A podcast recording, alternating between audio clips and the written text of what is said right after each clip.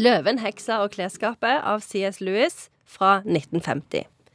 Fire søsken reiser på landet under andre verdenskrig. De finner et magisk skap som fører de til Narnia, som styres av en ond heks. Får hjelp av ei løve og noen gilde bevere til å styrte heksa og gjør slutt på en lang vinter. De fire søsknene blir voksne i Narnia, men går så gjennom skapet og blir barn igjen. Hva var det du sa boka heter? Den heter 'Løven, heksa og klesskapet'. Heter den ikke Narnia? Nei, fordi Narnia, det er egentlig syv bøker. Men de andre er veldig kjedelige. Så jeg tenker at vi kan holde oss til den ene som er gøy. Ok, så det vi egentlig skal si nå når vi skal framstå som vi har lest eh, liksom hele Narnia-greia, er at denne, vi, tok bare den første boka med den med løven og heksa, for de seks andre de har jeg lest, men de er gørr. Nemlig. Ok. Og da har du jo fått kred fordi du vet at det er en lang serie.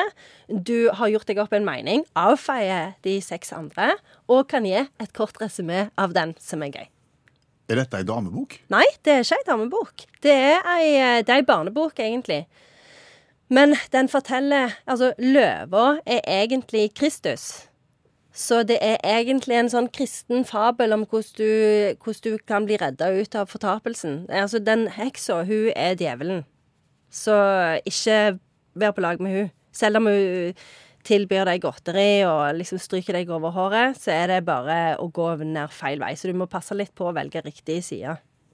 Hvordan er det beveren hjelper til? Beveren de er kjempegreie. De, de gir deg god mat og husly, og så tar de også, hjelper de til å komme til løva. Er det disiplene, på en måte?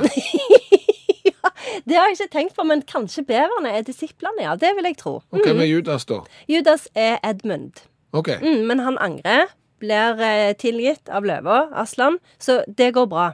Det er ikke akkurat sånn som i Bibelen. Det går, det går litt bedre. Det gjør det.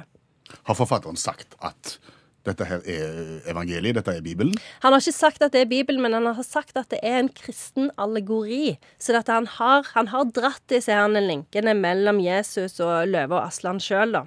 Eh, og han sa at det begynte Altså, ideen til boka kom når han så for seg eh, et sånn et vesen som er halvt menneske og halvt geit, i en eh, skog om vinteren, bærende på noen pakker.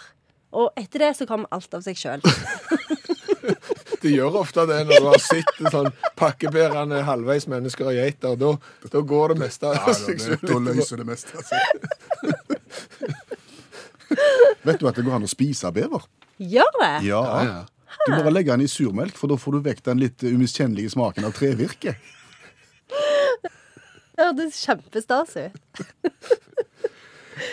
Hvor imponerer vi med Narnia-kunnskap? Tenk at det imponerer litt hvis du har småbarn og liksom kan si at ja, vi holder på å lese Narnia nå.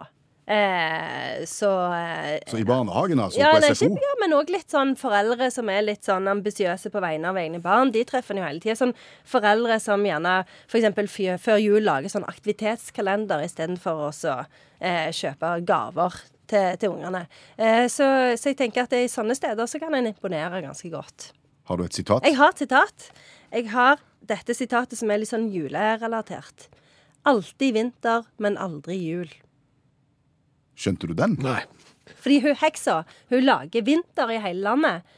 Men den vinteren tar aldri slutt. Så det er liksom tida står stille på en måte. Og de syns det er så De beverne og de andre han eh, faunen, han der halvt geit, halvt menneske, det er jo ganske kjipt for de å bare leve i en sånn evig vinter. Det er jo litt sånn Game of Thrones-aktig. Eller Svalbard. Eller Svalbard, ja. Ja. Eh, Så dere kan jo tenke dere sjøl at det er ikke noe særlig. Men når løva kommer, så kommer julen. Eh, Vil du oppsummere løven, heksa og klesskapet? Ja, Det er jo egentlig Det nye testamentet eh, på ny, bare at Jesus har blitt eh, løve. Og etter det vi har grunn til å tro, så, så går det tolv bevere rundt og, og, og er disipler. Og en faun. Og en faun, ja. Og så må du passe deg for, for heksa, for det er djevelen sjøl. Og jeg vil jo tro at hvis du f.eks. leste denne boka eh, på gudstjeneste på søndagen, så, så er det vel en fare for at langt flere hadde kommet. Ja, jeg er helt enig. Så det kan være en liten oppfordring.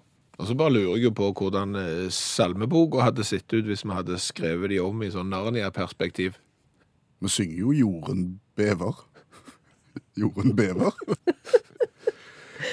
Tusen takk. Janne Stigen Drangsholt, forfatter og litteraturviter. Tidligere hjelpetrener i friidrett og klassekontakt på andre trinn.